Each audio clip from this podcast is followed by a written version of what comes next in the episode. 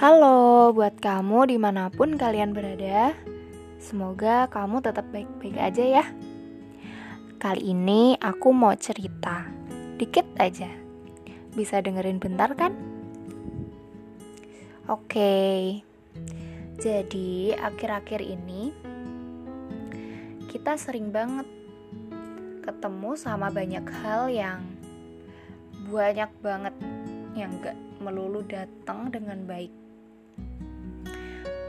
atau dengan beberapa takdir yang gak pernah kita kira akan tak terduga gitulah keberadaannya. Sampai terkadang diri kita tuh meragukan untuk apa diberikan hal seperti ini? Merasa tak pantas atau kecewa yang membuat sedih bertubi-tubi? Beberapa dari kita emang gak pernah siap untuk menerima hal yang gak layak untuk diterima, seenggaknya bagi pikiran kita sendiri. Seringnya meminta tanpa tahu konsekuensi apa yang akan diterima jika hal itu dikabulkan. Dan tahu gak sih, bagian terburuknya itu apa? Menyalahkan.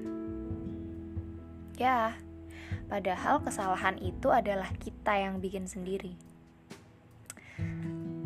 Dan lagi-lagi kita tanya, gimana cara kita untuk bisa menerima?